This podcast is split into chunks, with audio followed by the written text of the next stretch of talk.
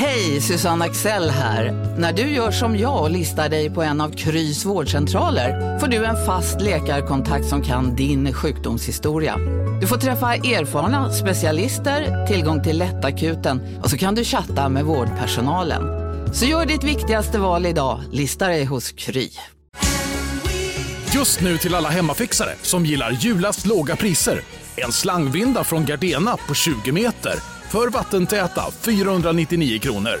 Inget kan stoppa dig nu. Psst! Känner du igen en riktigt smart deal när du hör den? Fyra säckar plantjord för 100 kronor. Byggmax. Var smart. Handla billigt.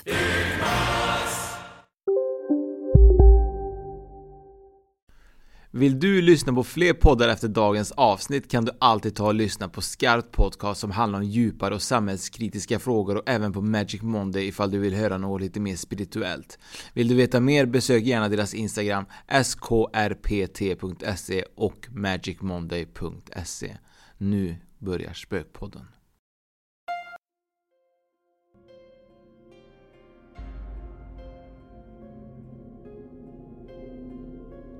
Fredrik, vi har ju en hel ny vecka med en hel ny cover ju. Ja, det har vi. Det är lite spännande. Det är riktigt spännande. Kommer du ihåg när vi tog bilden att det var lite jobbigt för dig att stå still? Ja, det var ju det. Jag var ju tvungen att stå på huk. Ja. För jag är ju så himla mycket längre än vad du är. Mhm, det är min manliga vad jag är. Eh, nej, det var ju lite tufft, men det var ju svinkul att få göra det. Ja, det var det. Det var riktigt kul. Det, vi hade ju lite olika uppslag på hur vi skulle ta eh, bilderna där men eh, vi enades till slut och det, det, det blev bra. Mm, skitspännande. Ja. Och eh, nu har vi tagit oss hela vägen till, eh, ja jag tror det är lite utanför Borås ju. Ja, Så vi har ju suttit i bilen och skrattat en hel del idag också. Ja det har vi gjort. Vi har Det är haft riktigt, tur. riktigt kul på vägen. Det är tur att vi inte har någon podd i bilen i alla fall. Ja, det är det. Vi är ju hos eh, en gäst som vi ska presentera alldeles strax. Det ska vi göra alldeles strax ja. Eh, och eh, du spelade in en, även släpptes ju ett avsnitt förra veckan med lite Bermudatriangel. Ja, men vi gjorde ett avsnitt för Youtube-kanalen som heter 10 fakta om Bermudatriangeln. Mm. Absolut, och det kommer komma flera sådana avsnitt framöver på, på kanalen så in och prenumerera och likea där. Det är lite kul faktiskt att spela in sånt där. Det är ju lite ovanligt jämfört med vad man gör nu. För nu pratar man med varandra. Ja, precis. Man sitter framför datorn och pratar alldeles ensam med mikrofon. Så det, ja, det är lite annorlunda. Och ingen som säger någonting heller om det är bra eller dåligt. Så Nej, får man gissa nej, sig fram. Man får, man får lita på sig själv att, Mm. att det blir bra. Och det är viktigt att göra det ju. Ja, och lita på sig själv. Jag hittar sin inre kraft. Ja. Eh, vi har ju ett samarbete med oss. Vi har flera samarbeten, Mm. absolut. Och bland annat så har vi Vidiki Ädehej och det är ett äkta familjeföretag som drivs av mor och dotter. Vidiki designar och tillverkar specialprodukter i trä, bland annat snurrbrickor, grytunderlägg och serveringsbrickor. Detta med ambitionen att verka och samverka lokalt för att ge dig som kund kvalitet världsklass. Bohoi är deras egna varumärke där de skapar genuin lyxbohemisk inredning från skogen. Bohoi står för en tidlös design och erbjuder produkter som håller över generationer och blir bara vackrare med åren. Sen får ni inte heller missa Vidikis Outlet där du kan fynda inredningsdetaljer med andligt tema till riktiga superpriser. När du checkar ut så använd rabattkoden Spökpodden så får du hela 20% på hela sortimentet. Och du går alltså in på vidiki.se med W. Jag gillar hur du säger bohoi. Bohoi. Ja. Eh, du sa ju något roligt förut ju att eh, du hade ju tänkt att ha julskinka på en sån här eh, snurrbricka ju. Ja, eller hur? Det, jajamensan, den är, på, den är på väg min snurrbricka. Så Ja. jag kommer ha jag kommer ha min julskinka på den så kan vi snurra runt skinkan mellan, mellan eh, varandra i, i köket faktiskt. Sk- Skinka mellan varandra lät ju Ja, fan inte så bra. Men, men visst är det kul ändå att kunna faktiskt ha en uh, julskinka på en eh, snurrbricka? Det har aldrig jag tänkt på. Nej, Och även snapsen kanske. ja, snapsen, nej nu dricker inte jag snaps på jul men, men eh, normalt sett så kanske, jag har haft snurr, snurr, snurrbrickor tidigare men då har jag haft ost och sånt, ost och kex. Ja, just det. Det är schysst. Ja, kan man snurra runt och... och lite mysigt. ja det är mysigt. Lite mysigt med lite ost och lite vin Ja, och lite sånt. Ehm, som sagt, vi är i Borås och vi Mm. har med oss Gunita Gustafsson. Det har vi. Usch, hörde att jag sa rätt också. Du sa rätt idag, det är ju helt makalöst. Det kanske har med din nya partner att göra. Får hoppas att den, att den här trenden håller i sig. Ja. Absolut. Berätta lite om Gunita då. Ja, Gunita Gustafsson som hon heter. Hon, eh, så som jag kom att träffa henne första gång- gången, det var ju på Kropp och själsmässan i Trollhättan. Och hon är ju en utav grundarna till det här. Eh, sen så driver hon en eh, Academy of Light som eh, håller på med lite utbildning och sådär som vi ska fråga vidare om sen.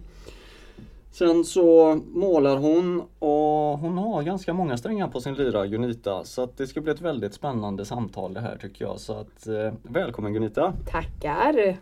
Roligt att vara med ikväll. Ja, eller hur? Vi har ju käkat god paj också om inte Ja, annat. vi har fått köttfärspaj här och hemmabakta pepparkakor och det är helt fantastiskt bra start på Det fanns på ju det här. en liten godisskål här som har gjort en liten fudge som var helt magisk. Ja, det finns en kvar och den Ja. är din Oskar. är, ja, tack, tack. Ja, hon är ju inte bara duktig på andlighet, hon är ju duktig på att baka och laga mat Ja, också. ja. Så att, eh, men hur började, din, eh, hur började du liksom komma in i det här med andlighet? Eller vad, vad hände liksom? Ja men det började när jag, redan när jag var barn. Så hade jag övernaturliga upplevelser. Och eh, jag kom, minns, men det är också sånt som jag kommit ihåg långt senare när jag blivit vuxen. Att en eh, dag, en eftermiddag hemma i huset där jag är uppvuxen så sprang folk och ropade gå ut och titta, gå ut och titta genom fönstret. Du måste ut i trädgården. Jag fattade ingenting, det var stor uppståndelse. Och då var det faktiskt ett flygande, nu ska vi inte prata om UFO här ikväll, men då var det ett flyg, flygande föremål som hängde över vårt hus och då var alla, i- alltså nästan alla grannar ute och kollade på detta. Och det har jag helt förträngt tills jag blev vuxen. Ja. Hur gammal var du då? Ja men då kanske jag var typ fem, sex år. Och du, är du uppvuxen här i Borås? Nej, i Nej. Tranemo. Tranemo, ja, det är en bit härifrån. Ja, det är några ja. mil härifrån. Ja. Och eh, sen har jag ju haft många andra UFO-upplevelser på äldre dagar. Men det kommer vi inte att prata här om ikväll. Va? Inte? Nej, vi sparar lite. ja, Förstår du ja. Oskar? Men, men berätta Nej men det var första och det kommer jag alltså inte ihåg. Och sen började jag lämna min kropp. Det pratade vi om här innan idag.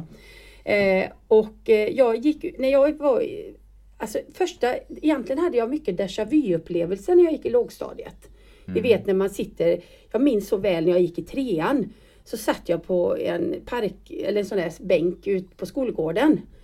Och så plötsligt så blev det något konstigt eh, ögonblick när jag bara kände att det här har jag varit med om innan. Och på, när man är, går i trean, hur gammal är man då? Typ 7, 8, Ja, 9 nio år. typ, ja. Då har man ju aldrig ens hört talas om det ordet innan. Man vet ju inte Nej. ens vad det är man upplever. Så såna, det hade jag en hel del sådana upplevelser när jag gick i lågstadiet. Och sen minns jag att jag började i mellanstadiet och lämna min kropp väldigt ofta. I skolan till och med. Så att eh, Men då när du lämnar kroppen i skolan, eh, svävade du ovanför i klassrummet och såg lärare och dig själv? Det hände inte, i, allt? det hände inte i klassrummet, det hände alltid typ på raster eller Ja, när vi var det. på väg till matsalen eller till ett Ja. klassrum. Och jag tänker ofta på en händelse som var den labbigaste, för det här var ju absolut inga Men pleasure upplevelser om man säger så. Det var ju ingenting man tyckte var roligt att uppleva när man var i den åldern. För man hade ju ingen aning om vad det var, man blev ju bara skiträdd. Ja, Och då klart. gick jag i en glaskorridor med min kompis Lotta. Och som vi brukar göra och tjabbla och tjattra och, och fnittra och, och ha oss. Och så plötsligt igen då så ser jag mig själv uppifrån. Och jag känner liksom hur jag är på väg ut ur huvudet. Eh, ja det är jättesvårt att förklara. Men det är ju en känsla. Och då hänger jag där över min egen kropp och ser ner på mig själv och mina fötter. Och blir livrädd och vet inte om jag drömmer. För det var en sån här, minns jag, en dröm. Alltså det, det kändes som att man drömde. Men ändå så visste jag kanske att jag var i skolan. Så jag sa till Lotta, du måste nypa mig i armen, nyp mig i armen. Och den gången fick jag så stora blåmärken för hon fick hålla på så länge och nypa mig i armen. För ja, det var väl mitt sätt eh, intuitivt att, komma tillbaka till min kropp. Fast jag inte hade någon aning om att, vad jag ens höll på med. Nej. Så det är ju sådana upplevelser. Det har jag, sen har jag ju lämnat kroppen när jag har blivit äldre. Ja, men för att gå tillbaka bara. Det här Ja. är ju jätteintressant. Men då när hon nyper dig, varför fortsätter hon nypa dig då? För, För att jag inte kommer det? ner i kroppen. Ja. Men hur, hon vet ju inte om det. eller? Nej, det, ja, det kan inte jag. Hon Nej. hade ju varit med om detta förr. Okej, ja, så ja, att det så här var hade ju hänt. nytt för henne. Nej, det var det ju inte. Men jag, jag, alltså vi hade väl inte de termerna på det så, Nej, som vi nej, har klart pratar idag. Vi, hon visste väl att det var något fel på mig som Ja, hade nu hänt. börjar Gunita Nu igen. börjar hon ja, igen. Ja. Så att eh, så var det nog snarare. Och sen var man ju så glad när man det blev som vanligt igen. För det var ju inte, sen pratade man ju aldrig om det. Nej. Tills nästa gång det hände. De skulle nypa mig i armen. Ja. För man fattade inte vad man, vad man höll på med. Nej precis, men var det då att du så, eller stannade det upp allting då? Eller fortsatte du att gå i korridoren där när den... eh, Jag eller? tror, jag tror att vi stannade då Ja, tills ja. jag kom ner. Alltså, I och med att hon fick nypa och nypa Ja, och nypa. precis. Och den Såklart. gången blev jag så rädd så att jag blev, jag, det är därför jag särskilt minns den gången så tydligt. För att jag blev så himla rädd faktiskt.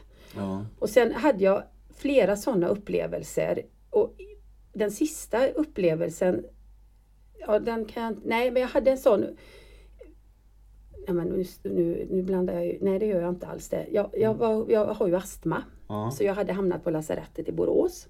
För jag var jättesjuk. Eh, och höll på att dö. Och låg inne i dropp och grejer där inne i två veckor. Och det var ju innan det var, var, fanns väldigt bra astmamediciner som finns idag. Mm. Och jag kommer hem, utsläppt från lasarettet och då bor vi uppe på, jag och min man, vi bodde i Ambjörnarp på den tiden, utanför Ambjörnarp. På ett väldigt special ställe, ska jag säga. Magiskt. Och då bodde vi på loftet. Vi hade vårt sovrum på loftet så man fick liksom krypa upp för en hemsk trappa och ja. I alla fall, så jag var väldigt svag när jag kom hem. Och eh, går och lägger mig eftersom jag inte orkade stå eller göra någonting annat. Och den natten så var jag så svag hela tiden. Eh, och vaknar av att jag inte vaknade. Alltså jag vaknade fast jag ändå inte var vaken. Jag både var vaken och sov eh, samtidigt. Eller hur ska man säga? Ja, var vaken typ och halvvaken och halvvaken. halvsov. Ja. Och kände att jag kunde inte röra min kropp. Och så kände jag att, nu låter ju det, nu kom jag ju in på utomjordingar ändå. Mm, det är okej. Då kommer de här utomjordingarna, då hade jag haft en del upplevelser med detta i, det, på, den, i våran, på det stället där vi bodde då. Mm. För det är, var, väldigt, är, väldigt, var väldigt mycket sån aktivitet, kanske är fortfarande. Mm. Och eh, då kommer några utomjordingar och ska dra ur mig ur min kropp. Och jag tror, och de lyckades ju dra mig ända upp i taket. Och jag vaknade ju men jag kunde inte röra mig och jag Nej. började skrika, fast tyst tror jag att jag skrek. Vet inte om jag skrek tyst eller inte men jag skrek så hemskt precis när jag var, det var inte så högt då på loftet till taket. Nej. Så precis när jag var på väg upp i, när de skulle få ut mig genom taket, ja, det var en fruktansvärd upplevelse ska jag säga. Så ligger min man bredvid. Och jag skrek släpp ner mig, släpp ner mig. Jag vill ju inte ut på några andra äventyr. Och då släppte de ner mig på min man. Kände jag. Och, och då skrek jag så han vaknade. Ja. Och sen hade jag sådana upplevelser ganska mycket i takt med innan jag tillfrisknade. Från den här eh, hemska persen med astma. Ja. Och jag, min teori är att jag var så svag i min kropp så att jag kunde liksom inte riktigt klara upp detta själv. Men var det din fysiska kropp eller var det din själ? Som Nej, jag tror det, det var själen. Själen. Ja, det var själen. Eh, Det är lite intressant det du säger. Jag har ju haft, eh, jag hade mycket sömnparalys eh, mellan 20 till jag var 30. Mm. Eh, sådana upplevelser. Inte med eh, att några utomjordingar försöker ta mig dock. Men eh, man kunde vakna upp och se saker som i, i rummet som inte Mm. brukade vara där då. Men jag har ju alltid fått för mig att jag har varit bortförd av utomjordingar. Eh, det är ju på grund av att eh, eh, jag, har alltid, jag kan ju kolla på skräckfilmer men jag har jättesvårt att se just på bortförande av utomjordingar men jag har aldrig förstått varför. Men jag har ett jättestort ärr på höger sida och insidan av min ljumske. Så jag har aldrig förstått var det kommer ifrån. Och en jul för kanske 4-5 år sedan satt vi hemma hos mamma och pappa och firade jul och så kom vi in på det och frågade mamma har jag slått mig någon gång i ljumsken eller? För att jag har jättestort ärr där. Det borde ha funnits väldigt mycket blod tänker man liksom. Mamma bara nej, inte vad jag minns, ingenting sånt. Jag bara nej okej. Okay. Så här, och min syrra bara vad sa du? Har du ett ärr på ljumsken på höger sida? Jag bara ja, jättestort ärr. Hon bara men det har jag också sa hon. vet, Så här. Oj. Jaha, sa du. Så, jag, så kom vi in på det att typ, så här, jag alltid haft känslan typ, att jag blivit bortförd. Så jag kom in på det på Mm. skämt och så. Hon bara, men jag har också haft den känslan. vet. Så, så vi började snacka om det. Men pappa gick iväg då med syrrans ex. In i köket eh, mitt i samtalet och bara allmänt pratade, fyllde på cola säkert. Så jag slutade samtalet så gick jag in där då. Så pratade jag och hörde att de bara typ såhär små pratade lågt liksom. Så jag bara, vad, vad pratar ni om? Han bara, nej ingenting. Det, så jag bara, men eh, jag hör att ni pratar om något. Han bara, ja men när ni pratar om utomjordingar så känns det väldigt konstigt sa han. För att en gång så vaknade jag i huset att det var ett jätteenormt starkt sken i hela huset. Men jag kunde inte koppla var, färgen, var ljuset kom ifrån. Men natten jag vaknade, dagen efter när jag vaknade upp då, så han hade ju så här alltid ett guldkors Mm. med Jesus på. Och då hade Jesus klivit av korset och stod rätt upp ifrån korset. Så han bara, jag vet Oj. inte, och nu när du pratar om det tänkte jag att det kommer vara någon magnet. Du vet. Så, att, eh, så det finns nog väldigt mycket sådana här utomjordiska historier tror jag. Ja, det låter så ja. Ja, så att det, det Spännande. kanske Gunilla kan ta kontakt med mina utomjordingar. Ja, de, de kanske hänger ihop. Undrar, undrar det när jag ska få träffa dessa. Hoppas aldrig. Nej, precis. Nej, Nej, för det är ju inte alltid angenäma upplevelser faktiskt. Men Nej. vad tror du att de ville då? Tror du att de bara ville ha? Nej, men nu är det faktiskt så att jag har en kompis som har varit med om samma sak som du har. Jaha. Som jag inte ska prata om kanske Nej, här nu nej, då. För nej. det, det är ju inte med hennes medgivande. Nej. Nej. Men eh, de har opererat henne och jag har sett ärr på henne. Så att det är, jag är inte, faktiskt inte förvånad kan jag säga. Nej. Jag kan visa mitt där i ljumsken sen Mm. om du vill Gunilla. Ja Fredrik, vad tror du om det? Exakt, ja, men jag har sett det redan. Ja, sett det. Ja. Nej, men eh, tillbaka till det här Gunilla. Eh, Och då hände det här Mm. Nej, och då upplevelsen. var jag hos den här kompisen jag pratade om nu Mm. en annan kväll. Då var vi själva, alltså barnfria och gubbfria och allt vad det heter. Och sen skulle jag köra hem på kvällen för hon bodde några mil ifrån mig. Och då kände jag, för då hade vi också suttit och, alltså hon är, är ju också en konstnär och spirituell men som inte vill befatta sig med sånt här överhuvudtaget. Eh, för att hon är så öppen och får antagligen varit med om så mycket så hon är livrädd. Men då när jag kör hem på natten så kör jag genom skogen på konstiga vägar ut mot det här Ambjörnarp där jag bor då. Där det är väldigt mycket UFO-aktivitet eller har varit under den tiden, under vissa år när jag bott där. Och då känner jag igen att jag håller på att lämna kroppen när jag sitter i bilen och kör. Och då blir jag ju helt livrädd. Och ringer till henne och säger att du får vara med mig i telefonen för jag, är, jag måste hem, jag, är, jag vet inte vad jag ska göra, jag är helt förstörd. Mitt ute i skogen liksom, det var, inte, det var fyra mil hem att köra. Så det var ju ändå en stund att komma hem. Och eh, det var en sån skräckfylld resa faktiskt. Det var så läbbigt innan man kom hem, men jag kom, klarade mig hem. Med hennes eh, prat, prat, prat hela tiden i Jag kan tänka mig det och känna att man är på väg att lämna sin kropp Ja. när man sitter i en bil och inte kan styra kroppen på det sättet som man vill göra. Det måste ju kännas... Det var inte kul kan jag nej, säga. nej, verkligen inte. när detta tog, när, när, när jag började sen, när detta tog slut med de här utomkroppsliga grejerna. Som utom min kontroll får man säga, för det här hände ju allt utom min kontroll. Som jag tyckte så illa om då. För jag visste ju inte hur jag skulle styra det, jag visste ju inte någonting om det. Eh, Så eh, var det när jag började gå med slagruta och då jordade jag mig. Då lärde jag mig hur energier fungerar ifrån grunden. Så att tack vare att jag har varit med och gått med gamla gubbar och lärt mig utav de främsta slagrutegubbarna, så många av dem finns ju inte ens idag. Nej. Jag har varit med i Svenska slagruteförbundet då i, många, i, no, i flera år på Ja, den tiden. Ingenting jag vet vad det är så det kanske är många som lyssnar som inte vet vad det är. Nej, det var ju så att eh, slagruta, vet ni vad det är eller? Pendel och slagruta, det är ju en sån här, ni vet Albert Men är inte det... Einstein, han gick ju med en Ah, så- klyka. ah, Ja. får mig, gick man, kunde man inte leta vatten? Jo, med- det gjorde ja, man. Det en var ju vanligt. De där som pinnarna som böjer sig fram och ser ut som tillbaka. en L eller något sånt där och så Ja. svänger de fram och tillbaka. Ja. Okej, okej. Eller så kan man ju gå med en klyka en- utan en gren, en träklyka eller en galja eller vad som helst egentligen.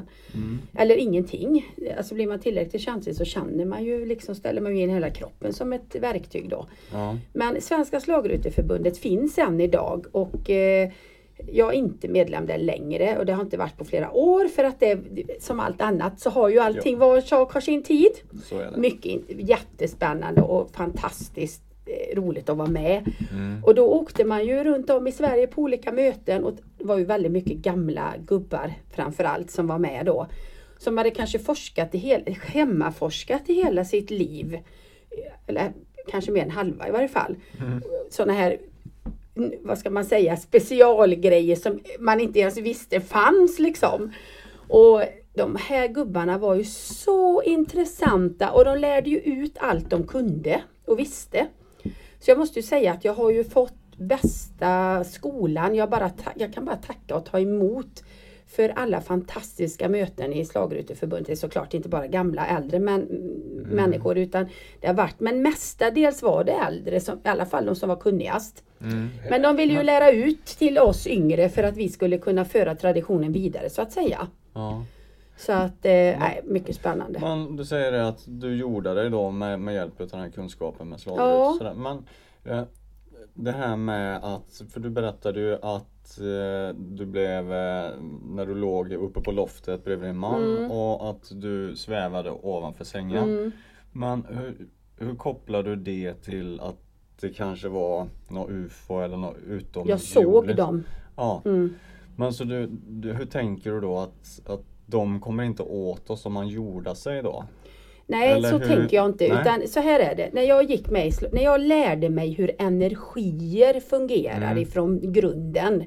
För allting vibrerar ju i energi. Vi, du och jag, alla, alla vi, vi allting materia är ju energi. Mm. På olika frekvenser bara. Mm. Och om vi nu ska prata spöken eller andar eller utomjordingar, så allt ja. lever ju, det är ju olika, bara i olika dimensioner och olika frekvenser. Och när man lär sig att förstå hur energier samverkar och jobbar ihop, vilket jag har ägnat nu ganska många år med att jobba med och för att lära mig. Mm. Så, eh, så automatiskt så fick jag en jordning i det. Alltså jag förstår ju hur viktigt det är att skydda mig själv, att jorda mig och att eh, ta hand om min egen eh, energi liksom så att ingen mm.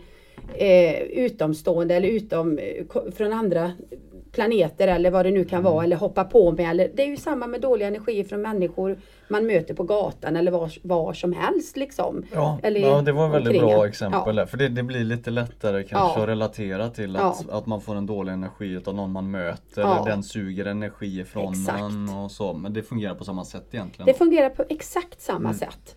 Så att eh, grejen var väl att jag förstod ju då att jag har aldrig varit jordad. Jag har ju bara varit liksom öppet kronchakra, om mm. vi nu ska mm. prata chakran då plötsligt. Jag har bara varit öppen upp till hela tiden så jag har ju släppt igenom precis allt, allt, allt. Ja. Så det är väl inte konstigt att när du har en öppen själ som en människa som är totalt vidöppen och inte begriper sitt eget bästa. Att det finns hur mycket som helst som har lust att hoppa in och ta hand om den här personen. Liksom. De försöker väl ta kontakt då när de ser att de, de har möjlighet ja. att kunna göra ja. det. Du har aldrig funderat på vad de ville då? Om de ville något? Nej, jag har bara inte velat. Jag har varit livrädd. Ja. Men sen har jag faktiskt haft möten med dem. Men mm. jag har också skyddat upp mitt boende just framförallt där utanför Ambjörnarp. Mm. För där har vi haft väldigt mycket sådana här utomjordiska fenomen. Ja. Björnar, Ambjörnar. Mm. Ligger det i närheten här eller? Ja, en bit härifrån. Men är det mot Alingsåshållet mot, Sven, äh, mot Småland. Mot Småland? Så det är ju några mil härifrån. Jag tänkte om det var han från Pollenkungen? I skogen? Eh, nej, så nej, långt ner är det så långt ner nej. nej. Nej, tänkte om det var samma håll. Men det är Smålandsgränsen. Ja, det är Smålandsgränsen. För jag bodde ju inte i Ambjörnarp utan jag bodde vid en stor kvartsgruva. Okay. Och kvarts mm. vet ni, det är den, och den kvartsen som var i den gruvan, det är en en av världens renaste kvarts. Mm -hmm. Och det vet jag för att jag skrev, jag var lite skribent åt våran eh, lokalblaska för många år sedan. Ja. Och då höll de på att bryta kvarts och då skulle jag göra ett reportage om dem. Och det var ju ens innan jag var intresserad direkt utav, jag hade inte börjat jobba andligt medvetet på den tiden. Nej. Så då, då fick jag reda på vilken renhet i kvartsen det var mm. från den gruvan. De använde det till bömisk kristall, till optiska linser och datachips. Mm. Och eh, den kristallgruvan har, har ju stått sen i väldigt stort centrum i väldigt många påhittiga grejer som jag har varit med om efter det. Sjukt ändå liksom att på något sätt så sammankopplas kanske liksom det förflutna med ditt framtida yrke liksom, som du har haft. Ändå. Det gör ja. det. Mm. Verkligen. Men du har ju börjat, eh, du hade ju i alla fall alternativa mässan i Trollhättan ja. eh, under många år. Har jag förstått mm, det? Ja. Eller i alla fall ett par år. Ja.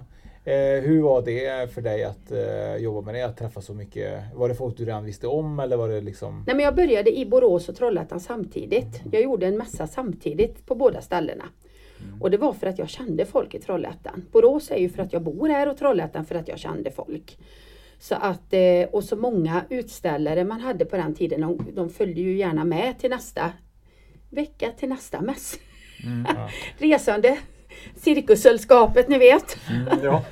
Och sen, sen öppnade jag ju mitt första, mitt spa, mitt första och enda spa. Som startade jag i Borås då och då kände jag att nu orkar inte jag, nu får jag ta en paus. Så då lämnade jag över mässan. Då var det ju någon annan som tog över i Trollhättan under några år och även i Borås.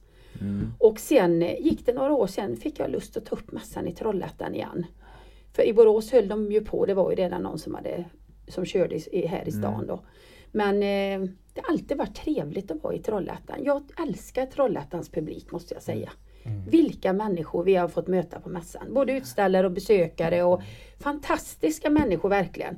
Och varenda år längtar vi lika mycket till att få komma till mässan. Så blev det inte i år. Nej, det. Men hur kommer det sig att man får en idé att nej, men vi drar ihop en mässa? För det är, det är inte vem som helst som kommer på att man ska dra ihop en sån grej. tänker jag. 2000 var det, år 2000 gjorde jag min första mässa. Mm, Hur gamla var, var ni då pojkar? Då var jag 17, 18. ja, vad var jag då? 25 då? Ja, Ja. Det säger ju lite Så det är grann. några år sedan. Ja, det är en stund sedan. Ja. Mm. Nej men jag har ju alltid fått så mycket inspirativa idéer förstår ni. Ja, verkligen. Får man ju säga. Så Ja. att eh, det var kanske inte så konstigt att det bara blev en mässa. Men hur blev det besökarna som kom till mässan? Hur tog de det? För det var ganska tidigt. Man kanske inte pratade lika mycket om det. Nej det gjorde man ju inte så det var ju lite nervöst då eftersom det var så pass länge sedan ändå. Men jag tycker ändå att eh, det var ju ändå många som var öppna. För tänk, jag menar när jag började med mina sådana här konstiga upplevelser. Jag var hos mitt, min första, mitt första medium när jag var 13 år. Då tog jag bussen ifrån Tranemo utan min mammas vetskap såklart. Åker in till stan och då hade vi ett väldigt känt medium faktiskt. Hon var rikskänd, den gamla tanten. Och hennes man han var healer och han var ju också känd i hela Norden. Folk kom ju från överallt ifrån för att bli healad, helad utav honom. Och de var ju gamla på den tiden och de hade ju varit med och startat eh, Spiritualistiska sällskapet i Sverige. Så de var, de var ju riktigt bland de absolut första i Sverige. Och ehm, då hade hon, utan någon konstig anledning så var hon i skolan i Tranemo när jag gick i skola där. Och vi hade någon eh, sån där man fick välja lektionen eller en dag när man, vad heter det, fritt valt. Ja, ja, Typ. Mm. en sån där dag när man fick, ja det här har vi att välja på och då skulle hon hålla i en sån timme, jag har ingen aning om vem som drog henne till skolan. Och då är det klart att då var jag ju redan intresserad utav detta så då hamnade jag ju hos henne. Och då fastnade hon för mig också på något vis så att hon såg någonting i Hon mig. kände väl av att du Det gjorde var hon. ganska öppen. Ja. ja. Så då bjöd hon in mig till den Mm. här seansen. Eller så var hon en utomjording. Eller så var hon det. Det var därför hon kände av det. Ja. Nej men så hamnade jag i Borås i alla fall på den här första seansen. Och det var min första seans någonsin, 13 år. Då var ni inte ens födda tror jag knappt. Nej. Och du var nog tre, typ tre år eller något. Fredrik. Ja, det kanske var. Du förstår hur Nej, länge sedan detta är. Ja, ja, det är ju... Nej, det är inte så länge sedan. Nej! du var dum! Nej, nej. Och hur upplevde du första seansen? Vad, kan du, kommer du Alltså ihåg jag något? minns ju inte allt men jag minns att vi, jag minns precis var vi var. För det var där jag hade spat sen i huset som var ihopbyggt med det. Rätt lustigt nu i efterhand. Ja. Och eh, det var en källare. Och eh, det var mycket folk. Och jag minns ju en speciell person som var med. Som jag alltid har kommit ihåg. Som jag, som jag inte kan heller nämna vid namn. Som jag, har- som jag har träffat många gånger sen. Mm, Men just då kände jag ju inte den här människan. Och han fick ju till sig, hon gav ju honom massa meddelanden som jag aldrig kan glömma. Hej, Synoptik här. Visste du att solens UV-strålar kan vara skadliga och åldra dina ögon i förtid? Kom in till oss så hjälper vi dig att hitta rätt solglasögon som skyddar dina ögon. Välkommen till Synoptik. Upptäck hyllade XPeng G9 och P7 hos Bilia. Våra produktspecialister hjälper dig att hitta rätt modell för just dig. Boka din provkörning på bilia.se xpeng redan idag. Välkommen till Bilia, din specialist på XPeng. Nej. Dåliga vibrationer är att gå utan byxor till jobbet. Bra vibrationer är när du inser att mobilen är i bröstfickan. Få bra vibrationer med Vimla. Mobiloperatören med Sveriges nöjdaste kunder enligt SKI. Så det är det jag minns mest från den seansen faktiskt. Det satt man med stora öron och stora ögon och var egentligen lite livrädd. Men hur eh, tänker jag? Eh, hur tänker jag? Jag vet hur jag tänker, men jag menar eh, idag så känns det lite grann att en seans kanske hade inte hållits för någon som var så ung. Är Nej, har det änd- kan man ju inte göra. Nej. Så nu, men det har ändrats, Tror jag inte. Nej, men det har ändrats med tiden också. Jag tror, det, tror jag. faktiskt att det har det. Jag kan inte svara för vad de gör på seanser idag Nej. men jag gissar väl att de behöver väl vara åtminstone 15 år eller Ja, någonting. Precis. Så det har ju ändrats också. Sånt Ja. har ju också ändrats med Ja. tiden. Förr i tiden så kanske man bara Det man, var såg ju ändå, man såg ju ändå barn förr i tiden ganska vuxna vid tidig ålder också. får man inte Ja, det tror jag. Ja. Och sen jag menar, jag stack utan min mammas eller pappas vetskap 13 år Mm. liksom. Det kunde jag, hon undrar inte. Jag hittade väl bara på något Ja, precis. Men, och sa att jag skulle någonstans. Har du varit på någon stor seans någon gång Oskar? Ja, vi har haft det på New of Weekend. Ja, och så var det på Terry Mm. Evans också när vi körde, Stämmer. när vi, vi presenterade med Terry Evans. Det det är bara i, i, i äldre ålder. I äldre ålder, ja. Ja. Alltså som Ja. barn har jag väl aldrig varit introducerad till det på det sättet att jag har eh, liksom upplevt det på, på det sättet. Man tar emot så unga egentligen. Nej, jag vet inte. Det är också svårt tror jag. Som barn så är det nog svårt att veta också vad som kanske riktigt är sant eller inte. Eller, Eller hur? Ja, det är ju det. Ja, det är ju så svårt liksom. Jajamensan. Men sen var jag bjuden hem till henne ändå så tog jag med mig två klasskompisar för då skulle vi göra ett skoljobb hos henne. Så vi hade med oss en sån här bandspelare. Det var också när jag gick i typ sjuan, åttan eller någonting. Och eh, när vi kommer då så var det ju en man, då hade de kommit från Norge för att få healing utav hennes gubbe. Och när vi kommer in där så ska vi spela in och då såklart funkar ju inte bandspelaren. Så Nej, den det känner vi igen. Så den funkar inte på hela tiden. Och då sa hon så här till mig att du, sa hon, du har den här gåvan. Mm. Men du måste veta en sak, du måste be till Gud. Du måste skydda dig. Alltid skydda dig. För att när man får den här gåvan, tackar man ja till gåvan så kan man aldrig bestämma när man får ett budskap. För att det, det kommer ju när det kommer, när andarna vill sända någonting eller de, de, ja, från andra sidan. Så får du bara vara beredd på att ta emot det. Det kan vara dag och det kan vara natt och det kan vara precis när som helst när du minst vill och önskar att få ett budskap. Men är det så att du säger ja så är det den gåvan, då måste du dedikera dig till det. Mm.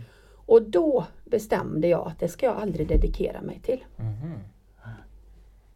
Men tror du att det är så att eh, antingen är man medial eller så är man det inte? Eller är det någonting som man kan lära sig? Eller är det någonting som man blir tilldelad lite som det nästan upplevdes på dig som du berättar här nu?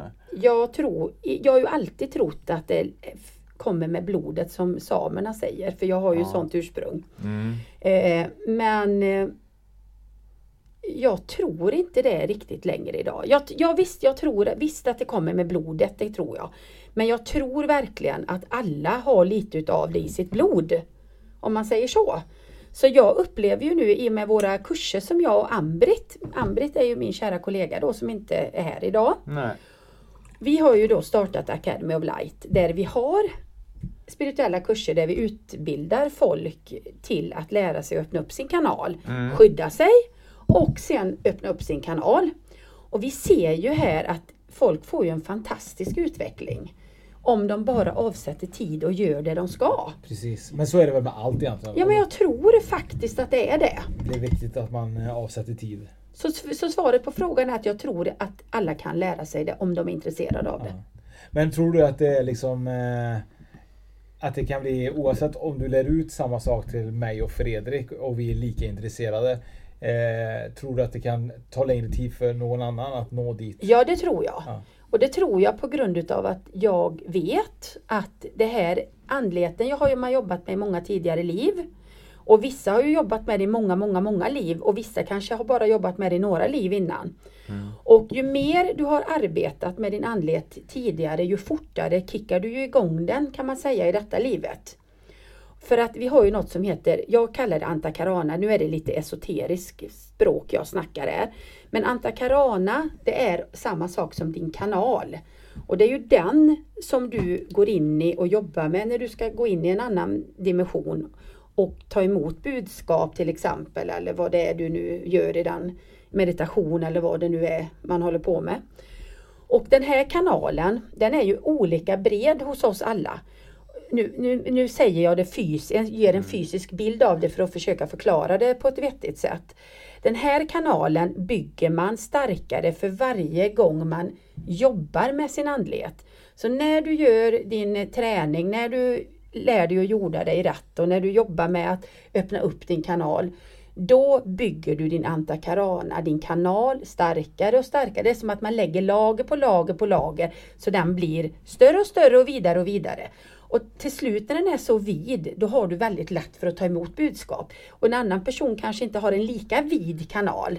Och då kanske det inte är lika lätt för den personen att ta emot budskap, till exempel. För att göra det en, en billig jag tyckte, sak. jag tyckte det var väldigt intressant det du sa med just att eh, om man har jobbat med det tidigare i liv, Mm. att det blir lättare i det nästa liv. Det, så, så har jag aldrig tänkt på eller hört tidigare. Det tyckte Mm. jag var väldigt, eh, det låter ju logiskt liksom. Så är det. Så att det är ju Mm. super. Ja, det, Livet är rätt logiskt egentligen. Ja precis och då har man ju flera livstider att lära sig egentligen. Ja, absolut. Det är aldrig för sent. Nej. Och eh, hur, hur många liv tror du man kan leva då? Oj, det har jag ingen är det, finns det aning någon som har tänkt den Ja, tanken? vi har ju haft ett avsnitt tidigare. Det tror jag. Och eh, som eh, jobbar just med, med också lite uppstigna mästare och lite sånt. Och som Mm. hade jobbat med det. Och hon berättade att hon hade i alla fall fått en siffra om att en människa lever cirka eh, för att nå, för att bli liksom komplett. Så hade hon fått siffran 2500 liv. Mm. Jag tror det är väldigt individuellt. Ja. För det är ju så här också att jag vet ju att jag har levt på en annan planet innan till exempel. Ja. Jag har varit där. Jag Kanske har... därför de kommer och hämtar dig. Fan, du är på fel planet Gunita! Det är morsan som Ja, kommer precis. och ska hämta hem det. Ja, vem vet? Ja. Nej men så är det. Så- Alltså, så att jag tror ju att man kan leva på många planeter i olika liv. Ja. Kanske till och med samtidigt ibland. Mm. Det är ingenting som jag längre fördjupar mig i men alltså det är ju saker eftersom jag har hållit på ganska många år med det här så har jag ju gjort många inre resor som Mm, det så vackert mm. kallas. Ja. Med, alltså, som, man har ju ingen aning om vad som händer men det är ju de resorna som har lärt en egentligen vem man är. Ja. Och då har jag bland annat varit, eh, haft, eh, fått gå, komma hem som de kallar det. Så mitt, min hemmabostad, jag är inte ifrån jorden. Jag har en annan planet som, är, Ja. som jag härstammar ifrån. Vet du vilken planet det skulle vara då? eller? Ja, Du det vet jag. Och, och känns den typ, när du får det till dig, känner du någonstans typ så här i början typ såhär, nej men det här är bara liksom nonsens. Det är, alltså, eller var det typ såhär, ja men där är Nej, det, så här var det. Jag har aldrig känt mig hemma på jorden. Under, alla, under hela mitt udda liv. För jag är en oddbird. Jag har alltid varit en unik människa. Och förr var det inte kanske alltid så roligt att vara så där udda, ni vet. Nej. Men alla känner apan, apan känner ingen. Jag, I lilla Tranemo så var man ju en kändis när man växte upp. Alla visste ju vem jag var såklart. För jag sydde ju mina egna kläder och ibland var det orange och ibland var det rött och det, och det Christer rosa. Och, ja, det kunde vara Ja. precis hej och hå vad som helst. Men i alla fall så ehm, eh, så har jag aldrig känt mig riktigt hemma på jorden. Jag har har haft mycket kompisar och jag har alltid varit med överallt och velat vara med överallt. Mm. Men jag har ändå alltid känt liksom inne, jag visste ju inte ens att det var själ som det het, tänkte ju inte i de termerna när man var barn. Men någonstans så kände man att man inte riktigt hörde hemma här. Och sen blev man ju en sökare. Jag blev ju en sökare då, en aktiv sökare. Och sökte och sökte och testade ju allt som fanns egentligen med sånt här andligt. Och sen en dag i Hallabo, där jag bodde i Ambjörnarp, så la jag mig på soffan för jag skulle vilja middag. Och min gubbe han jobbade ju på ett annat, han kom inte hem på veckorna. Så jag hade ju ganska skönt på veckorna, förstår ni? då kunde man göra lite vad man ville. När man det hade jobbat färdigt, ja, Ja. för jag jobbar hemma med då. Ja. Men i alla fall så la jag mig och ville middag. Så tänkte jag, jag hade fått ett band av en tjej som heter Kristina Wennergren. Och hon hade gjort spelat in regressioner på ett band och jag hade, visste knappt inte ens vad det var för någonting. För min första alternativmässa var jag på, på 90-talet. Var första i Stockholm. Mm. Det var ju spännande kan ni tänka er. Jaha. Och då hade jag fått det här bandet och så tänkte jag jag ska sätta på det här och lyssna på det här bandet och plötsligt så när jag bara följer, alltså jag bara lyssnar och helt plötsligt så är jag på en annan planet. Där jag möter människor där de talar om att det är härifrån du kommer och, och det var ju en chock. Om man får Ja, säga ja, så. klart. Och då kände jag att herregud, jag vill inte komma ur den här middagsvilan, middagsrasten. Så att jag bara låg där och tog emot allt och det var ju en fantastisk upplevelse av att få komma hem. Ja, det är klart, det förstår jag. Så att därför så kan jag säga att jag hade ens aldrig funderat på att jag skulle ens komma, var, var kommer jag ifrån? Nej. och sen var jag ju i, i all glädje i, i den här iven då en gång när pappa var hemma och jag skulle prata ju om det här då jättemycket såklart. Det var mycket sånt på den tiden. Då säger han så här för att vara lite lustig när jag sa vilken planet jag kommer ifrån. Ligger det nära Mallorca? Det var, ja, det är Menorca är det. det Ja, är typ. Ja, det var så de gjorde sig lustiga. Men nu gör de inte det längre. Nej. Eh, Det är lite kul när du berättar just det där med eh, att du kom till en annan planet. Så när jag hade mina sömnparalyser så hade jag faktiskt en eh, träffade jag faktiskt en kvinna som hade en en butik i Trollhättan som höll på just med andlighet och kristaller och så vidare. Och den låg precis under, under där jag bodde så vi gick ner där jag och min sambo och så pratade lite grann om detta och hon bara, men eh, det låter som att du har liksom att din själ lämnar kroppen. Mm. Det är nog inte sömnparadis som det är läkarna och så vidare. Och eh, en natt så kom jag ihåg att jag tog mig ur kroppen och jag hade en upplevelse där jag träffade en massa varelser och verkligen enormt mycket varelser. Jag pratade exakt med allihopa. Men så stannade jag upp i den här drömmen eller vad det var. Och så sa jag typ så här, men om jag har åkt och rest överallt och ni är alla olika, hur kan jag förstå er? Sa, sa jag då. Och då sa han till mig så här, eh, det är på grund av att du är flodisk, sa han till mig då. Aha, okej. Och så vaknade jag upp efter en stund då. Och det låg kvar i min tanke liksom, flodisk. Det var verkligen någonting som låg kvar. Så jag googlade upp liksom så här, flodisk. Och det fanns en artikel på hela Google. Och det var en man som hade skrivit, eller en kille som hade skrivit en Sagan om ringen historia typ. Eh, likvärdig, typ en jättestor Mm. berättelse om massa olika karaktärer och så vidare. Och där fanns det en man i riket som var flodisk. Och han kunde prata med alla i riket. Är inte det skumt? Ja, visst är det Ja, häftigt? men då vet man att det är på riktigt. Ja. Då är det Ja. sant. Det är sjukt ju. Det kan man ju inte förklara bort. Nej, det var jätteklokt. Jag bara va? Det var Ja. exakt det. det. Och jag har inte ens googlat det liksom. Ja, men det är häftigt. Ja, det var verkligen häftigt. Och det är ju exakt sådana upplevelser man vill ha. För att, Mm. Och jag har ju blivit otroligt kritisk i det här som ni förstår eftersom jag har hållit på så många år. Träffat så mycket folk och jobbat med många olika sorters människor. Så att jag måste ju säga att trots att jag är världens flummigaste person så är jag också världens mest jordnära människa i detta. För jag vill ju ge, jag kräver bevis. Ja. För att jag tror ju inte på någonting om inte jag får, om inte jag får ett bevis för det. Och det handlar ju om min egen utveckling då. Och det kan jag ju känna idag att det borde ju fler önska sig som håller på med sånt här. För jag tror att det är så lätt att flippa ut och man tappar, man är inte jordad utan man är öppen i sitt kronchakra. Man släpper in mycket men sen vet man inte, är det sant eller alltså, sant men är detta är detta eller är det bara fantasier? Precis, För att precis. nu menar inte jag att alla fantiserar, absolut inte. Men jag vet också att man vill ha evidens på Ja, saker och ting. precis. Man vill ha Ska man försöka få andra att tro på sin mission Inte så att man ska gå ut och predika, det gör inte jag heller. Men alltså ska folk ta en på allvar tror jag Då måste man nog vara ganska Kunna presentera lite bevis för folk. Självklart är det så. Och sen är det nog väldigt viktigt att kunna få beviset själv innan man kan presentera för någon annan också. Exakt. Så att det, det, det går ju hand i hand liksom. För mig var det typ så här att det här var ju Ja, för mig var det typ såhär, shit vilken slump. Typ en artikel och så det ordet och så allting passade ihop med min dröm. Men samtidigt så var det för mig typ såhär, ja men fan jag kanske är ute och reser med min själ när jag ligger och sover. Säkert, att det låter ju helt klart att du är det. Ja förmodligen, Det men nu har det inte hänt mig på typ så här, alltså det har inte hänt mig på jättelänge där. Alltså, sommar. jag hade det typ varje natt flera gånger Ja. på natt liksom. Och jag tyckte det var fruktansvärt jobbigt för att säga. Ja men det är klart att det blir slitsamt. Ja. Det tar ju energi. Ja, ja, ja, det verkligen. gör ju det Och för man, får inte vara i vågar ju fred. och man får inte, och jag vågar inte sova med händerna under kudden. Nej. För vet, man, man kan inte röra sig och man kan inte skrika och ingenting. Du vet, så här, så att, att bara försöka röra sig tar så mycket energi. Ja. Och, det, och det är skrämmande för man känner typ såhär, är det någon här eller inte någon här? Ja, du vet, man är livrädd. Man är livrädd ja. Så Jo, att, jag vet exakt vad du pratar om. Och när vi pratar om bevis så tänkte jag, jag har ju med mig några saker här Ja. idag som jag fick för mig för att jag eh, du pratar om uppstigna mästare. Det har ju visat sig att de här, jag har ju aldrig tänkt på uppstigna mästare innan. Och eh, jag, dock har jag mediterat sedan jag var, också var 13 år. Då drog min mamma med mig och började meditera med TM, transcendental meditation. Det är ju också många år sedan. Men det har jag ju släppt med TM. Men det var ju min första introduktion till meditationen. Och sen har jag ju hållit på att meditera sedan jag var 13 år.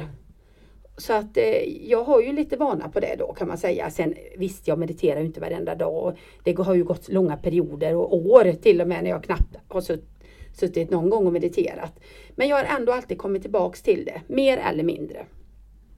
Och sen satt jag mig och höll på att meditera och plötsligt så får jag då en, eh, någon som presenterar sig som en, jag förstår att det var min guide på något sätt eller någon som ville vägleda mig.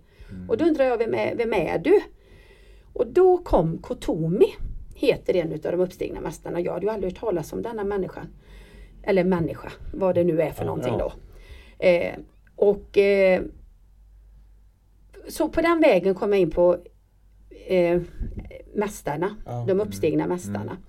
Och sen får jag säga att de här mästarna har ju alltid, det är de som alltid har varit med mig i alla mina projekt, i alla mina idéer. Det är de som influerar mig, det är de jag pratar med och det är de som kommer igenom nästan jämt. Och eh, då var det så roligt för då, i början så hade ju, som jag som sagt var, så hade jag ju aldrig inte hört talas om detta. Och då säger han så här till mig att du får, du får ringa till biblioteket och låna en bok som, om, som Alice Bailey har skrivit. Och då är det den boken och det kapitlet och den, den boken och det kapitlet som du ska läsa i för att förstå vad jag pratar om. Och jag började skratta högt. Jag tänkte det när jag satt att det här kan ju inte stämma. Så- Men jag tänkte jag ringer väl till biblioteket för vi hade ju inte Google på den tiden förstår ni. Det, detta är ändå så länge sedan så att Google fanns ju Nej, det fanns inte kan jag säga. Nej. För att jag sökte på något annat men då kom det inte upp sådana här saker. Kanske Alta Vista på den tiden. Alta Vista var det. Ja. Och eh, så jag ringer till biblioteket och, i Tranemo och frågar om de har en bok som Alice Bailey har skrivit. Jag tänkte det här är ju ett skämt. Nej, sa de, det har vi inte. Och Det hade jag inte förväntat mig. Nej, men jag ska se om de har den i Borås. Och då har de den boken i Borås. Så vi skickar efter den. Så när jag åkte och hämtade den här boken i Tranemo på bibblan, då tänkte jag det här är ju helt sjukt alltså. Men så här har det varit hela livet med de här uppstigna mästarna. De har påvisat så mycket konstiga saker för mig så att jag har det här med antakarana, när de började prata om antakarana, visst jag aldrig hört- talas om det ordet. Då sa de också, läs den boken så, får du, så beskriver vi Alice Bailey. Gen, alltså Alice Bailey kanaliserade de uppstigna mästarna. Ser jag frågan I de här böckerna, ja. Okej. Men det här är så jobbiga böcker att läsa så det är inget man orkar läsa, inte jag i alla fall. Jag har bara använt dem som uppslagsböcker. Ja, För att de är skitjobbiga och jag, jag, Men nej, jag Alice. Baileys eh, jobb, jobb, bor, han lever kanske inte längre? eller? Nej, hon Eller var det och hon Alice, dog väl i början på 1900-talet. Okej, ja, oj, Ja, så ja, pass ja, de är, alltså. så hon, egentligen är det Helena Blavatsky som började, vet inte om hon började att skriva om de uppstigna mästarna. Men hennes jobb gick vidare till Alice Bailey. Sen har hon kanaliserat vidare på detta samma ämne. Och det är ju där den esoteriska läran har börjat och, och kommer, kommer ifrån Blavatsky. Går vidare till Alice Bailey och därifrån har det utvecklats. Så allting som ni hör egentligen idag i, nya, i den här nyandliga världen Nästan allting kommer ifrån de här böckerna. Spännande. Ja. Jag Superspännande. Faktiskt. Och det vet ju folk, de, de flesta har ju ingen aning om det. Nej. För de har Nej. inte forskat så mycket i det här utan ja men det hörde jag där eller såg jag på nätet från någon i USA. För de, i USA skriver de ju och hittar på allt möjligt och skriver om och bla bla bla. Men alltså jag är ju sån här att jag har ju alltid, det ska, man ska ju vara hos källan och nu har ju de ju visat mig källan. Så jag har ju inte ens sökt upp utan jag har bara hamnat där. Och då när jag höll på med de här då höll jag på med jättemycket konstigt flum med min ufo-kompis. Och eh, för att utveckla oss själva såklart då. Ja. Och i en meditation så kommer, oj det var en häftig meditation. Och detta var ju också innan Google. Ja Google hade börjat, jag ska inte ljuga. Det hade faktiskt, då hade vi, det var inte, ja men lite grann kunde man söka och hitta där. Och eh, men då satt jag i meditationen och hon också samtidigt och eh, då kommer en, en väldigt speciell blå färg igenom. Och en, då kände man att nu är det en ny energi, en liten kallare energi som kom in. Och sen presenterar sig den här energin som Maitreya. Och jag bara, va? Vad är det här för någonting? Maitreya? Vem har hört talas om detta på typ på, på eh, ja, 1990-talet. Ja, du får svära. Ja. Och, och i alla fall, men så sökte jag lite på nätet. Ja. Och då hittade jag att Maitreya är ju buddhisternas nästa världsherre. Oj. Men eh, för innan jag sökte så, så berättade han ju, så jag satt ju och skrev, jag kanaliserar ju också då. För jag blev så nyfiken på detta innan vi slutade med meditationen. Så tänkte jag, nu måste jag ta reda på vad är det han vill och då, då, då berättade han ju massa grejer, eller den här energin då berättar massa grejer, vad, han, vad energin stod för. Och då tänkte jag, vad är detta, sa jag till min ufo-polare. Nej men vi handla, sen en annan dag sen så fick, kom jag, och fick jag, för man hade inte datorer riktigt som man har nu för vi hade en dator typ på kontoret hemma. Och eh, då så eh, läste jag om detta, att det var buddhisternas nästa världsherre. Och alla de här attributen han hade talat om om sig själv, eller han eller hon eller den, Ja. var det som stod som buddhisterna hade liksom skrivit ner. Sen gick det några år så eh, bor, bodde vi i det huset där vi bor idag. Och jag hade fått, jag känner en kvinna som är en, hon är, hon är gammal, jag vet inte om hon lever, jag tror att hon lever, hoppas hon lever. Jag fick en bok utav henne som hon har skrivit. Hon har levt med buddhistmunkar, nunnor i Tibet i många år, en väldigt speciell kvinna. Medium såklart. Ja, och då ligger jag och läser den här boken om buddhister. Och jag hade haft jobbat lite grann i meditationen med Maitreya också då. För Maitreya kom ju igenom emellanåt och hälsade på. Så ligger jag och läser den här boken och sen kommer min man in och ska gå och lägga sig i sängen bredvid. Och så puff säger det så, så släck, slocknar min lampa. Sänglampa. Ja, Okej. Ja. Men det var väl ingenting med det. det. Så jag, gå och hämta en ny lampa. Ja, ja, sa han. Han hade inte lagt sig och det hade han fått göra ändå. Något ska man ha gubbarna till. Eller hur? Ja, så upp igen och in med en ny lampa. Så lägger han sig. Puff, så släcknar hans lampa. Ja, men vad är detta? Då, ner och hämta en ny lampa, i med en ny lampa. Ja, och sen så slocknar min lampa igen för tredje gång. Tredje lampa. Samma kväll alltså. Samma kväll. Ja, det gick kanske tio minuter, en kvart emellan. Han var trött på att springa ner då. du. Ja. Ja, och jag, då tänkte jag, nej men det här är ju något sjukt. Får jag se på lampan, sa jag till honom. Ja, så skickade han över lampan. Ska ni få se. Nu ska vi få se lampan. Den kan Ja. vi ta bild på då kan eller? Så vi kan Mm. lägga upp den. Jajamän, jag ska bara ta dem i rätt ordning tänkte jag. Så att det kan gå Och bra. då hade jag ju då haft, som ni vet, mitt första möte med Maitreya. Och vad sa jag att det var för färg på Maitreya då? Nu ser ju inte du det. Bra. Bra. Oj, det står ju till och med ett M. Fy fan, jag ryser i hela kroppen. Jäklar. Var var rädd om det här nu. Det är inuti lampan. Jävlar. Kolla, det är inuti lampan. Det är helt sjukt. Helt sjukt. Ni ska få se bilden på, på Instagram. Ja, jag har aldrig sett det. Jag har inte, de jag har visat det för har ju aldrig sett detta heller. Nej, aldrig någonsin sett alltså. Maitreya och så är det egentligen ett, det är ju är tydligt M alltså. Ty, väldigt tydligt är Och den ska vi ta bild på och Ja. var gärna försiktig Fredrik för jag vill inte... Nej, den får du inte förstöra. Jag vill, du säga? Och jag ringde faktiskt till en sån här glödlampstillverkare i Sverige. De hade aldrig hört talas om detta. För det stämmer ju inte med de här glödtrådarna. Sen min gubbes lampa, det är ju också ett M. ja, ett vitt M. Och vitt är ju, står ju för, det är ju också det som är över kronchakrat. Man kan säga det är ju den andliga färgen. Jävlar.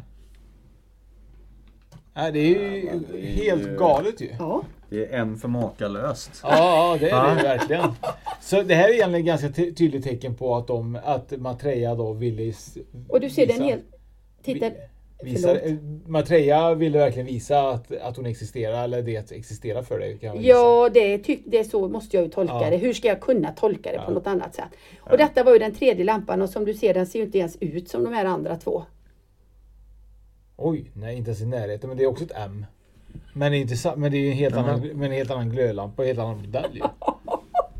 Men hur kom... Ja, ja. Nej, det är det är klart så. att när man skruvar ur lamporna för att titta vad det är som har hänt så det är ju väldigt tydligt. Det går ju inte att missa det här. Nej, det är så jättehäftigt faktiskt. Ja, jag tycker det är roligt. Det här är ju superspännande och eh, självklart har man varit med om detta liknande med eh, glödlampor får man gärna skriva. Och, Ja, eh, eller, eller något annat. Ja, och eh, vi ska ta bild på dem också Mm. innan vi går. Och eh, vill man gå in och kolla på bilden så gör man det på spokpodden.se eh, på Instagram och eh, Spökpodden på Facebook. Eh, jag kan säga så här, alltså jag har haft supertrevligt här hos Gunita. Ja, ja. Det, Vi hade kunnat prata i timmar. Det hade vi Ja, det tycker jag. Jag har ju inte ens hunnit börja än. Nej, det är ju det. Ja, du känner ju mig Fredrik. Jag gör det. Ehm, Eh, det och här det är jag glad för. Det här är bara lunchen. Absolut. Eh, Innan vi eh, går vidare så är det väldigt viktigt att när vi lämnar det här eh, stället så är det viktigt att man släcker de levande ljusen ju. Det är superviktigt att Eh, tänka på i dessa tider. Ja, för då är det ju så att eh, man får inte glömma att det är ungefär cirka 25 000 bostadsbränder i Sverige och dessa startar flesta i köket. Och Gunita har ju lyckats att inte tända i köket idag för idag var det ju tacopaj och vi sitter ju här med fantastiskt leende på läpparna. Eh, det som är mest skrämmande av detta är ju att 15% av hushållen har en brandsläckare just i köket. Eh, Fredrik, har du en brandsläckare? Jag har ju det. Mm.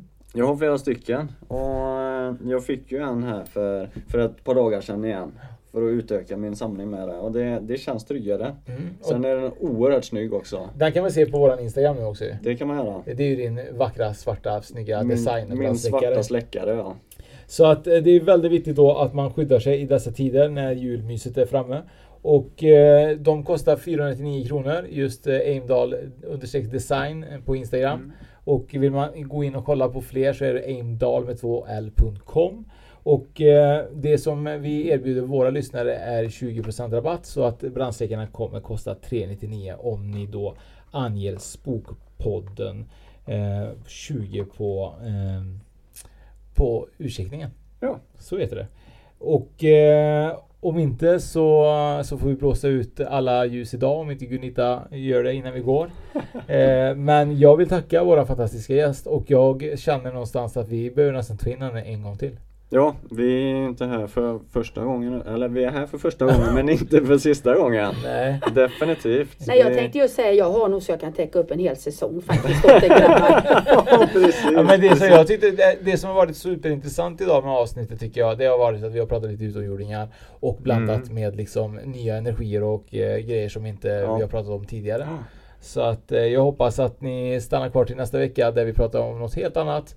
Och eh, tills dess så ha en fantastisk vecka. Mm. Ha det gott. Tack. Tack till er som har lyssnat idag och eh, på måndag den 21 december så har man möjlighet att lyssna mer av Gunilla Gustafsson som berättar en ganska sorgsen och eh, hemsk och dramatisk historia. Och vill man lyssna på den så gör man det den 21 december på måndag. Och detta är något som Spökpodden kommer göra framöver. Vi kommer släppa lite bonusklipp varje vecka utöver vårt vanliga avsnitt där man kommer kunna höra mystiska historier. Det kan vara allt från spöken eller att gästen berättar om en upplevelse den har haft. Så till nästa vecka så hörs vi igen. Ja, Hallå? Pizzeria Grandiosa?